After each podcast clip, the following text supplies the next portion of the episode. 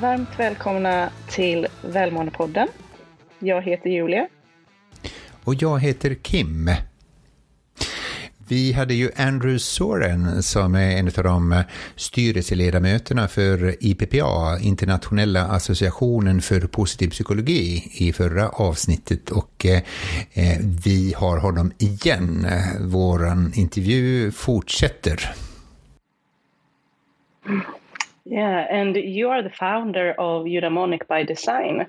Um, what are you working with there? Can you tell us a little bit about that?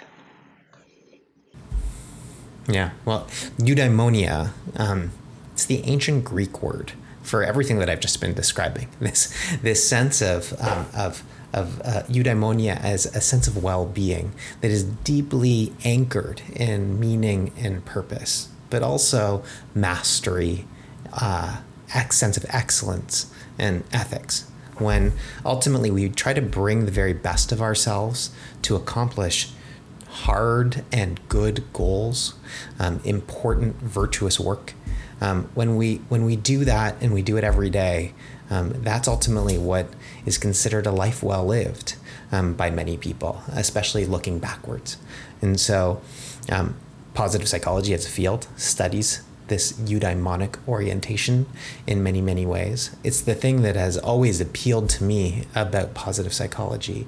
And, uh, and the idea of eudaimonic by design is that it would be amazing if work offered us an opportunity to really exercise that eudaimonic muscle that we all have. Probably not everybody wants that, but definitely some people do.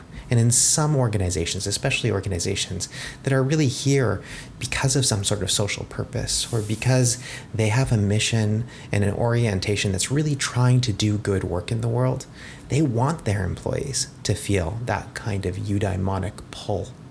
So, what eudaimonic by design tries to do is figure out what are the conditions that would allow an individual to feel that kind of sense of being able to bring the best of themselves to do important work? What kind of culture is required? What kind of leadership conditions are necessary? What kind of fundamental systems need to change in terms of how we hire people or how we recognize people, potentially even how we fire people when it comes to that kind of an organization? Uh, so that's what Eudaimonic by Design tries to do. That's really interesting. Could that be one of the reasons why well-being is going down in Western countries uh, among young people because because of the social media. You know, they are looking for the hedonic lifestyles. You know, seeing other people having vacation and uh, nice dinners and, and so on, and just uh, hunting for that, and, and and not finding the eudaimonic side of of of, uh, of uh, uh, themselves. Absolutely. I mean, you talked about the other, that other word. You use the word hedonic. So, hedonic and eudaimonic are often played against one another. And if you were really oversimplifying, you could say that hedonia or hedonic is really about an orientation towards pleasure. You know, what will give me the maximum amount of pleasure in this particular moment?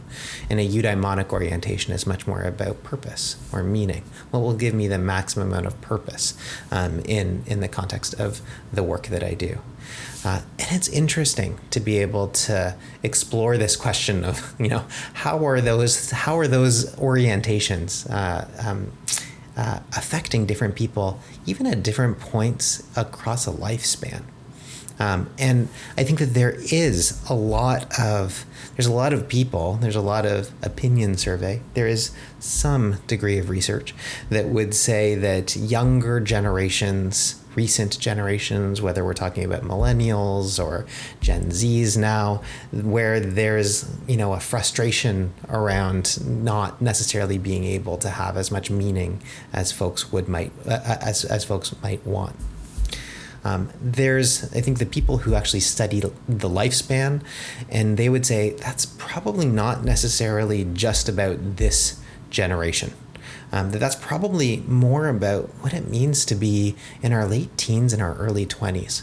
Um, that there are uh, different kinds of orientations over the course of a lifespan that kind of look like um, a U shaped curve. So you know when we're when we're teenagers, when we're getting into our, our young adulthood, we do have a desire for more meaning and purpose. Generally, we're we're on the hunt for a job that's going to give us meaning. We're looking for university or education that's going to give us a sense of of purpose. We care about the climate. We we we have activist orientations. You know, we we want to make a difference um, in the world in some in some way. And then often what happens is um, other priorities come along. Maybe we get into relationships. Maybe we get married. Maybe we start to have kids. Maybe money starts actually to become more important. Uh, maybe having a, a, house, maybe saving for the universities of our children. All of those kinds of orientations start to, and, and motivations start to take over. And we see that kind of eudaimonic intention often drop in middle age to its lowest. And of course, these numbers vary in lots of different ways. They vary against gender, they vary against location in the world, but they're pretty consistent in that U shape. And then generally, as we approach retirement and, and start to enter into the third act of our lives, we start to see we start to see those numbers, those eudaimonic orient, orientation numbers start to raise again. And suddenly we start thinking, what else are we doing with our lives at this age and stage? And, um, and what kind of legacy do we want to potentially leave? And suddenly those eudaimonic intentions start to rise again. So I think that that is all, you know, interesting things to, to try to think about in terms of the different generational shifts. But I'll also say in terms of drops of drops of well-being numbers that I think that COVID in the last few years, especially in a North American context, and I know this is probably a little different in Sweden, but it's had a massive impact on people's well-being. And a lot of that has to do with, frankly, a loneliness epidemic, the lack of social connection, a feeling of a feeling just disassociated with so much that's happening in the world. There's massive psychosocial impacts that the last few years have had on all of us, which I think are going to have a very long tail of repercussion. And quite frankly, that we don't know an enormous amount, especially for younger generations who had to, you know, have their late teens or mid teens, um, a very important time to be social in our lives from a human development perspective pretty isolated and unable to connect um, or very connected in a digital way. I think all of those things we're going to see long term repercussions around. Yeah, and there's so many different things that are uh, affecting our well being. um, what, what would you say is the most important findings in positive psychology uh, that can tell us about what we can do for our well being? There used to. Uh, um, one of the other one of the other fathers of the field. There are mothers of the field too of positive psychology, but um, but I'm talking a lot about the guides right now. Uh, there was a, a, man named Chris Peterson who, uh, in uh, in the early days of positive psychology, said that if you really wanted to reduce all of this immense amount of research into one single takeaway about well-being it would be that um, when it comes to our well-being other people really matter.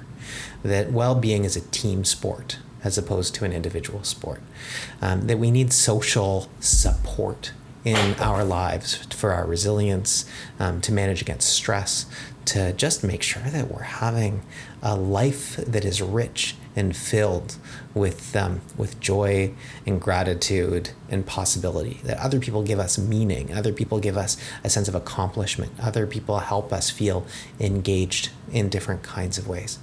Uh, and so I would say that you know that that finding is still very much true, and um, and at least in the U.S., you know the the current Attorney General um, uh, is uh, Vivek Murthy is is very much known for being able to say that um, that that there is a loneliness epidemic, and that we all need to try to find ways. Um, loneliness at this point has has almost a bigger impact on people's health than than smoking or obesity, um, and and so I think that all of these ways in which positive psychology knows about how to build social connection, social support, um, high quality connections, all of those things can have a tremendous amount of impact on our well being people who are coming to Vancouver to World Congress of Positive Psychology, what should they hmm. expect? Mm. Uh, a full-on four days. That's what that's what I'd say. So, so as I said before, it is um, it, it is and 30 or 140 hours of content. It's 590 presenters. Um, there's a huge range from everything from, from a quick poster to three hour workshops. There are some of the biggest names in positive psychology who will be there presenting about what the latest and most innovative work is um, in both the research and the application of positive psychology in a wide variety of fields. Um, but even more importantly, I would say that coming to positive psychology is actually about the other people who are going to be there. Um, coming to the IPPA World Congress, that this is this is an opportunity to connect with like-minded people. Uh, you said before that in Sweden, there aren't that many people who know about positive psychology or are thinking about it. I think it's true all around the world. Those of us who deeply care about these topics can feel isolated and alone. And the IPPA World Congress is an opportunity to meet with a world of other people who care about these things, who want to be able to come together and learn together, grow together, build community together. Um, so, yes, there's extraordinary content. You will build your mastery. You'll learn all sorts of things, but you'll also walk away feeling connected, feeling like you have a community of people, feeling like you are not alone in this work. Uh, and in this mission that we all have to bring well-being to the masses. Mm, that's amazing, and it's uh, such a, a, privilege to meet all these researchers in the field and uh, all experts. Uh, yeah, so that's amazing, and to build this connection. Um, so there's so many people in Sweden doesn't know about positive psychology, and sometimes when I talk about positive psychology, I get a comment that it doesn't exist or it's not research or something like this. So, what what are your experience about misunderstandings about positive psychology? Yeah, I think a lot of people confuse positive psychology with positive thinking um, just if you think happy thoughts, everything is going to be okay. Um, or people confuse positive psychology with self help um, and all sorts of gurus who proffer wisdom about what they think will ultimately help us lead to um, a life well lived. And um, and I, I think that what positive psychology is trying to do is to rigorously study those things um, and exactly address those questions that people who are critical of this field have by saying, what if those claims is actually true? And how can we use the most rigorous scientific methods to be able to actually study those things in laboratory settings, in the real world, um, in gold standard uh, evidence based ways, to be able to know which of those things is actually true and which of those is not. I think that that's what positive psychology is actually here to do. Um, and and so uh, you know at, at, the World Congress and at uh, IPPA more generally, we have a tremendous focus on the science. Um, and the reality is is that in in the social sciences and specifically in in social psychology, there's been a lot of debate about the science that has been put out there in the world uh, around these things and about whether it's false claims or weak research, what actually is true and what's not. And I think that the wonderful thing about science is that science is always evolving. A claim that we thought was true 15 years ago might be disproved, and that's great um, from a science perspective. You know, we want to know that those things may or may not be true and to push the research agenda more and more and create even better, more rigorous, more longitudinal, more impressive studies that help us actually decipher what is true and what's not.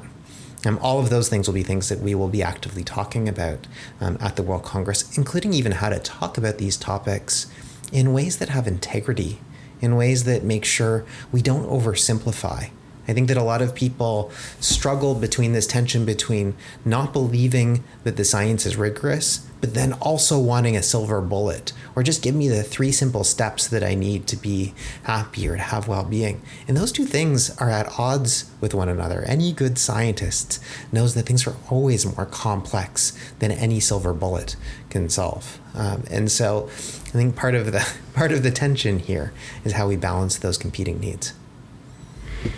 Thank you so much. So, so interesting. thank you to visiting us, Andrew Soren. We are really happy to have you here in our well-being podcast.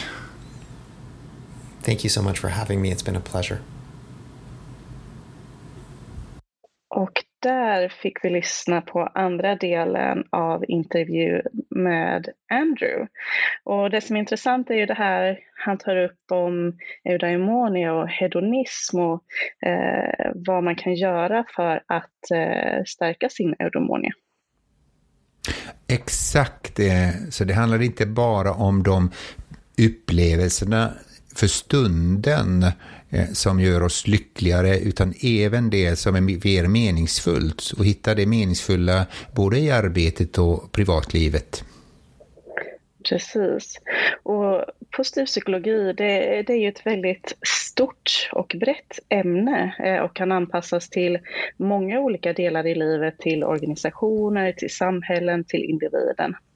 Och eh, i Sverige så kommer det ju upp ibland en del kritik om positiv psykologi. Eh, men den här kritiken är väl främst från personer som inte har sett vetenskapen bakom och kanske inte eh, uppmärksammat att det, det handlar om gedigen forskning. Um, och Sen är det ju tyvärr så att det finns några i Sverige som kanske erbjuder privata utbildningar inom positiv psykologi, säger de. Eh, men om man kikar på innehållet så är det inte så mycket positiv psykologi utan det kanske är mer någon, någon typ av livsfilosofi. Och det här gör ju såklart att det blir svårt att nå ut med positiv psykologi och eh, själva vetenskapen, för det är svårt att navigera i det här. Så om du som lyssnar är intresserad av att faktiskt lära dig mer eh, så kan jag absolut rekommendera att eh, studera via universitet. Eh, till, det finns olika kurser inom det här ämnet. Eh, eller kolla vem är det som står bakom den här utbildningen. Är det någon som själv har utbildats inom positiv psykologi eh, och har koll på vetenskapen. Eh, och så vill jag att ni ska hålla utkik för kanske är det så att vi inom en snar framtid kommer erbjuda utbildning och kurser inom det här ämnet. Och det kommer vi att göra, det kan vi ju lova. Och eh, följ, följ oss på sociala medier, också via vår hemsida leadershippower.se. Och också eh, är vi väldigt tacksamma och glada när du hör av dig med dina insikter, dina frågor och dina tips. Verkligen, det tar vi tacksamt emot. Så det är bara att skriva till oss på sociala medier. Vi finns även på LinkedIn, Julia Karho och Kim Karho. Vi hörs snart igen. Ha det så gott.